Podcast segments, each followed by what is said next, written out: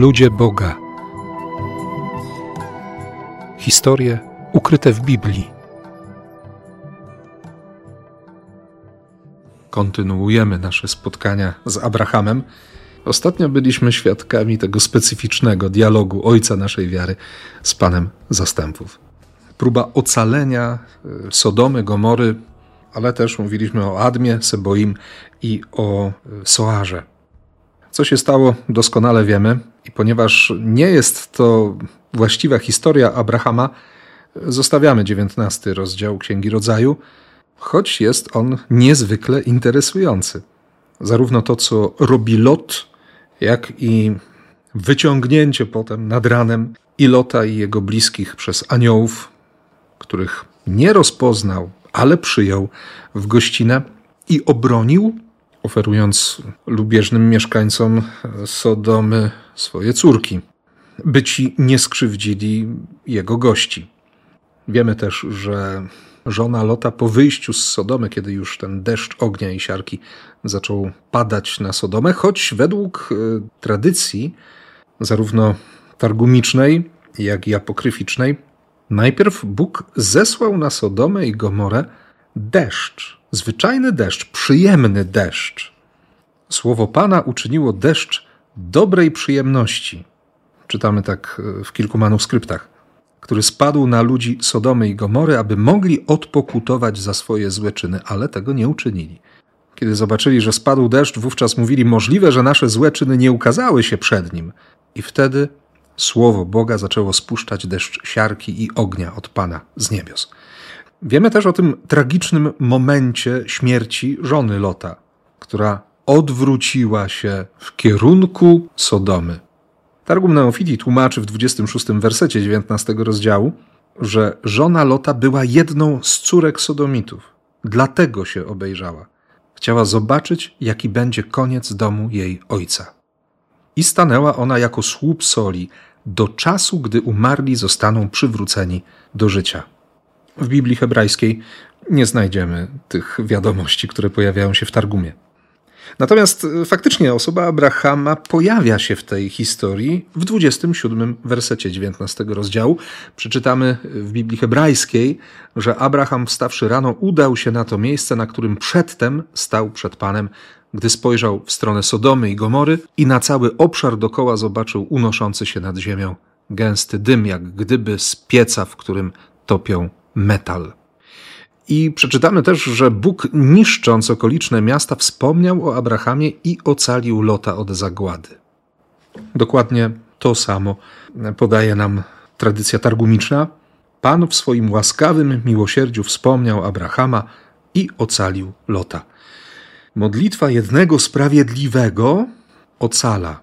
My doskonale wiemy, że, że kiedy odnosimy ten tekst już do nowego przymierza, które zostało zawarte w Chrystusie, i odwołujemy się zarówno do listu do Hebrajczyków, jak i tekstów apostoła narodów świętego Pawła, możemy się przekonać o tym, że jest jeden, jedyny sprawiedliwy, którego męka, śmierć i zmartwychwstanie zbawia każdego z nas.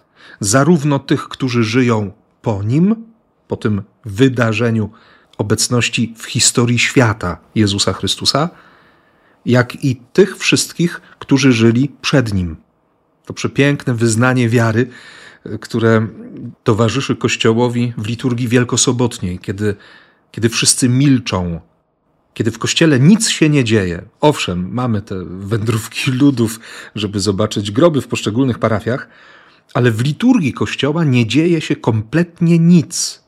To święcenie pokarmów jest jakby obok. To też trzeba wiedzieć, żeby uchwycić sens Wielkiej Soboty. W liturgii nie ma nic. I Kościół wtedy wyznaje wiarę, że Chrystus wędruje do Szeolu, do tej otchłani, by, by obudzić człowieka, tego pierwszego człowieka, by spotkać się z Adamem i Ewą. W niektórych przepięknych tekstach, próbujących nam nieco rozjaśnić to wydarzenie, czytamy nawet, że kiedy, kiedy Chrystus nie znalazł Adama, schodził jeszcze niżej, do wrót piekła, żeby zawołać pierwszego człowieka, by pokazać mu, że jest zbawienie. w tej homilii przeznaczonej na Wielką i Świętą Sobotę znajdujemy przepiękny opis tego spotkania Chrystusa z Adamem. Sprawiedliwy, który wybawia każdego człowieka. Wiemy, że Bóg spojrzał na tę wierność Abrahama, na przyjaźń, ponieważ y, Abraham jest w tych wszystkich tekstach, szczególnie w apokryfach, w targumicznej tradycji, nazywany przyjacielem Boga. Nie dlatego, że jest równy Bogu, ale dlatego, że jego posłuszeństwo, jego wierność, jego wiara i jego nieustanne powroty do Pana, to korygowanie własnych pragnień i zgoda na to, by działa się wola Boga, by spełniały się Boże plany, by realizowały się Boże pragnienia, to chwyta Boga za serce. To, to zatrzymuje Boga, Pana zastępów, w zachwycie nad swoim stworzeniem. Dlatego między innymi e, na początku Księgi Wyjścia będziemy czytać, że Bóg popatrzył na udrękę, na ucisk swojego ludu i przypomniał sobie przymierze z Abrahamem, przypomniał sobie tego człowieka. I dlatego wydarzyła się Pascha, to ominięcie śmierci. Ale pewnie do tego jeszcze dotrzemy. Tymczasem widzimy Abrahama, który, który spogląda w kierunku Sodomy, na te miasta rozsiane na równinie i cierpi a jednocześnie jest wdzięczny za ocalenie Lota. Pomijamy kolejne wersety, które mówią o grzechu kazirodztwa ze strony córek Lota ze swoim ojcem i tym przekleństwie, które potem zostaje zapisane bardzo mocno w prawie Mojżesza i w historii całego ludu wybranego, że ani potomkowie Moaba, ani potomkowie Amona nie wejdą nigdy do narodu wybranego. Nie ma takiej możliwości choć wystarczy sięgnąć potem do księgi Ród i, i zobaczymy, że Pan Bóg nagina prawo, które sam dał. Ale, ale Bóg może to zrobić. Bóg może postawić nawias wobec prawa, które ustanowił. Natomiast człowiekowi to ani nie wypada, ani się nie udaje.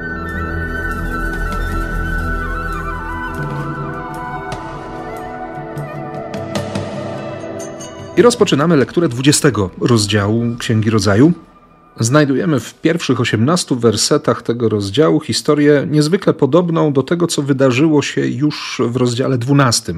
Wydaje się, że rozdział 20 jest pewnym dubletem tego, co już przeczytaliśmy wcześniej.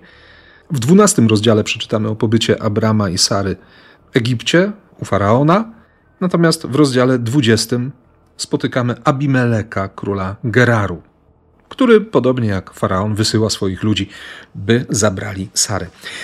Z tym, że jest tutaj zasadnicza różnica, mianowicie, o ile reakcją faraona na, na objawienie prawdy, o tym, że Abrama z Sarą łączy nie tyle wspólnota krwi, bo nie są rodzeństwem w sensie ścisłym, ale są małżeństwem, gdzie najprawdopodobniej Abram adoptował swoją żonę, żeby mogła zyskać o wiele więcej w przypadku śmierci męża.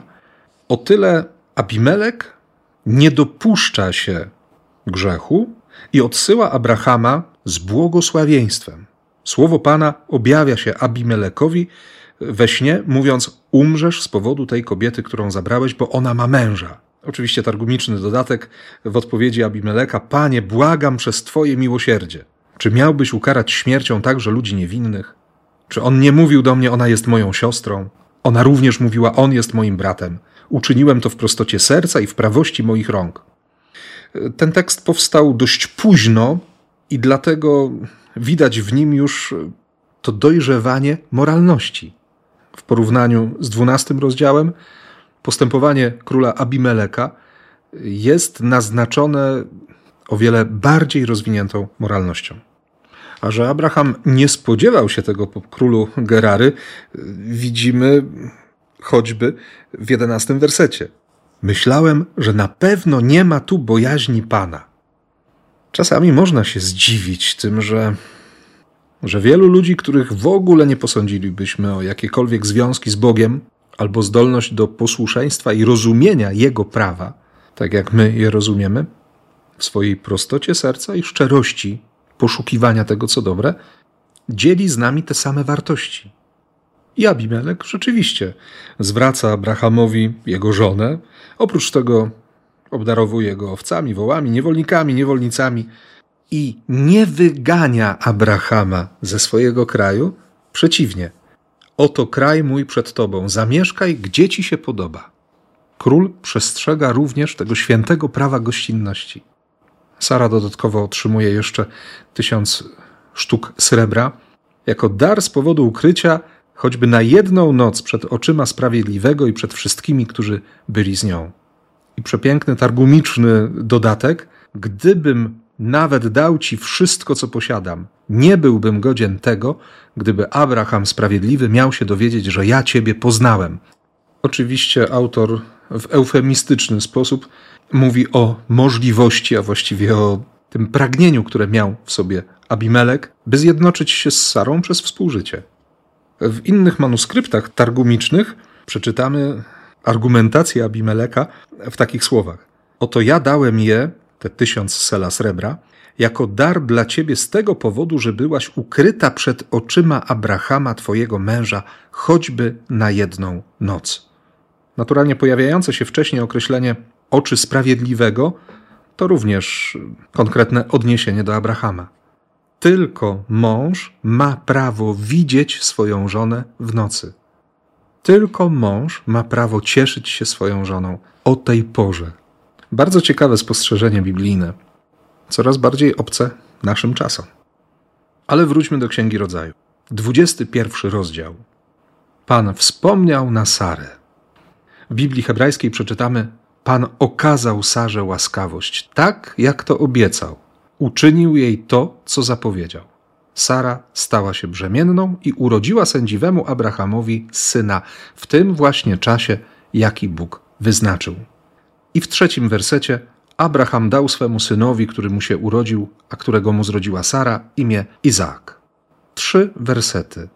W niezwykle lakoniczny sposób opisany został praktycznie cały rok, który dla Abrahama był rokiem najważniejszym. Oczywiście nie chciałbym wchodzić e, w interpretację, czy raczej nadinterpretację tego tekstu, natomiast e, we mnie pojawia się podczas lektury tych trzech wersetów myśl, że rzeczy najważniejsze, najbardziej istotne trzeba po prostu zachować dla siebie. Jest w nas takie miejsce, taka przestrzeń, do której dostęp ma tylko Bóg i my. To jest to nasze wewnętrzne sanktuarium, w którym próbujemy tak, ciągle próbujemy odkrywać, poznawać i kochać. Kochać tego, który jest źródłem naszego życia, od którego nasze życie pochodzi i w którym cała nasza historia, historia tych dni, które są za nami i historia tych wszystkich dni, które jeszcze przed nami, a których kompletnie nie znamy, ma najgłębszy sens, bo staje się drogą zbawienia.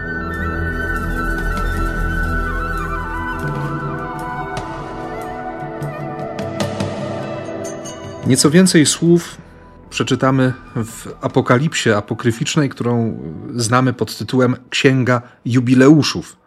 Ten apokryf zachował się w całości tylko w tłumaczeniu etiopskim i przez długi czas myślano, że, że jest to oryginalny język tego tekstu. W Qumran znaleziono fragmenty tekstu hebrajskiego i dlatego większość uczonych skłania się do stwierdzenia, że, że ten utwór powstał jednak w języku hebrajskim. Obok wersji etiopskiej, najbogatszej, istnieją też przekłady w języku greckim, łacińskim, syryjskim, niestety jedynie we fragmentach.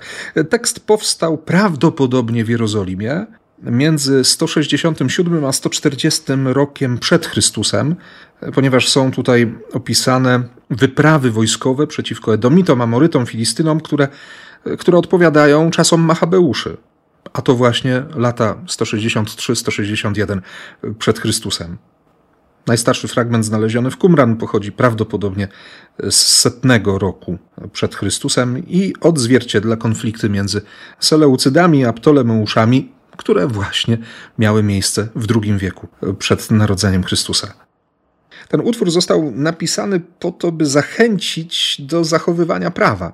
Był też swego rodzaju antidotum przeciw zalewowi kultury helenistycznej, która w naturalny sposób zagrażała monoteizmowi judaizmu. Stąd Księga Rodzaju, bo przecież jej dotyczy, ten tekst Księgi Jubileuszów, nazywany zresztą Małą Genezis, Apokalipsą Mojżesza albo Testamentem Mojżesza, pojawia się nazwa Księga Córek Adama albo Życie Adama, jest ukazana jako sprawozdanie o wierności patriarchów. Oni surowo przestrzegali prawa Bożego. Co przeczytamy w Księdze Jubileuszów? W tym też miesiącu Abraham wyprowadził się z Hebronu i udał, by zamieszkać między Kadesz i Szur w górach Gerara. W połowie piątego miesiąca przeprowadził się tam i zamieszkał przy studni przysięgi.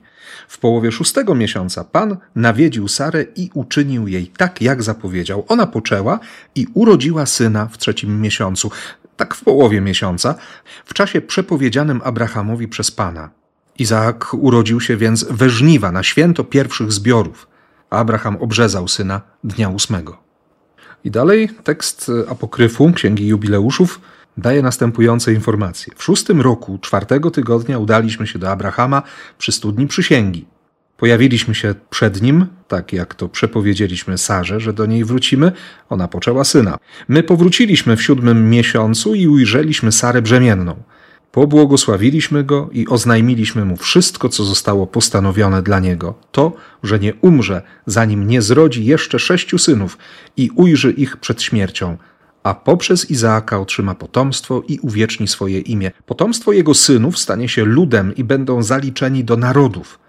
Lecz z synów Izaaka jeden stanie się świętym nasieniem i nie będzie zaliczany w poczet pogańskich narodów, gdyż stanie się własnością Pana Najwyższego, a całe jego potomstwo podlegać będzie rządom Pana i w ten sposób staną się narodem przynależącym do Pana, szczególną jego własnością pośród wszystkich narodów, staną się królestwem kapłanów i ludem świętym.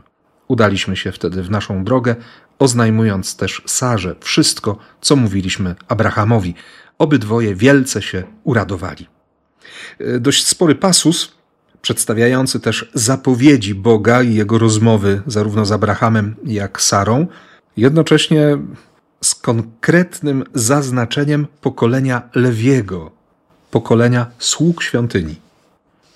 Oczywiście chodzi tutaj o prawnuka Abrahama, ale wiemy, że dla autorów starożytnych trzymanie się zasad chronologii nie miało aż takiego znaczenia, jak, jak ukazanie i wytłumaczenie pewnej prawdy dotyczącej życia, dotyczącej relacji z Bogiem, dotyczącej, jak w przypadku Księgi Jubileuszów, konieczności zachowania wierności Bożemu prawu.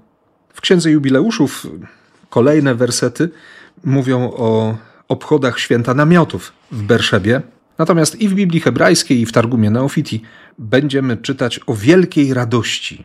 O radości, którą przeżywa Abraham i o radości, którą przeżywa Sara. Powód do śmiechu dał mi Bóg. Każdy, kto się o tym dowie, śmiać się będzie z mej przyczyny. Chodzi oczywiście o nawiązanie do imienia Izaka. Ten, który jest radością, ten, który się uśmiecha. Niektórzy tłumaczą to imię również jako żart. Ta radość Sary znajduje swój wyraz jeszcze w kolejnym, siódmym wersecie 21 rozdziału Księgi Rodzaju. Któż by się ośmielił rzec Abrahamowi, Sara będzie karmiła dzieci piersią? a jednak urodziłam syna mimo podeszłego wieku mego męża. Targum trochę inaczej ujmuje tę radość Sary i używa takich słów. Któż pójdzie i doniesie domowi Nachora, brata Abrahama? Sara karmi piersią synów, gdyż urodziła mu syna w jego podeszłym wieku. To jest parafraza targumiczna, prawdopodobnie użyta, żeby uniknąć sprzeczności z tekstem wcześniejszym. To jest Księga Rodzaju 17, rozdział 19, werset, gdzie Abraham zostaje bezpośrednio przez Boga poinformowany o narodzinach Izaaka. Ale otwiera to również pewną furtkę, z której korzystają autorzy Midraszy, tych opowieści wyjaśniających, bo przeczytamy w jednym z Midraszy, że, że na wieść o urodzinach Izaaka zjechała się rodzina Abrahama, jego przyjaciele i jego znajomi. Oczywiście trwało to trochę czasu, ale pojawili się oni wtedy, kiedy Abraham przygotował kolejną ofiarę. Miał ten zwyczaj, ojciec wiary, żeby budować ołtarze i składać ofiary Bogu, ofiary dziękczynne, ofiary przebłagalne. Szanować i dbać, pielęgnować relacje z Najwyższym przez składanie ofiar. I w jednym z midraszy przeczytamy, że gdy Abraham przygotowywał kolejną ofiarę dla Pana, nagle zobaczył, że, że zjechali się goście i wszystko, co miał ofiarować Bogu, przeniósł na stół, by przygotować ucztę. Darami przeznaczonymi na ofiarę poczęstował swoich gości. Mówiłem ostatnio o tym kulcie gościnności, ale autorzy midraszy, interpretatorzy Słowa Bożego, zaznaczają już wtedy, że narodziny Izaaka zmieniły coś w relacji Abrahama do Boga. Nagle, niepostrzeżenie, bardzo powoli, Izaak wdrapuje się w myśleniu swojego ojca na miejsce dotychczas zajmowane przez Boga. To będzie punktem wyjścia do oskarżenia Abrahama przez diabła i doświadczeniem jednej z najciemniejszych nocy w życiu ojca naszej wiary, którą nazywamy często nocą próby wiary Abrahama. Ale o tym opowiemy sobie kiedy indziej.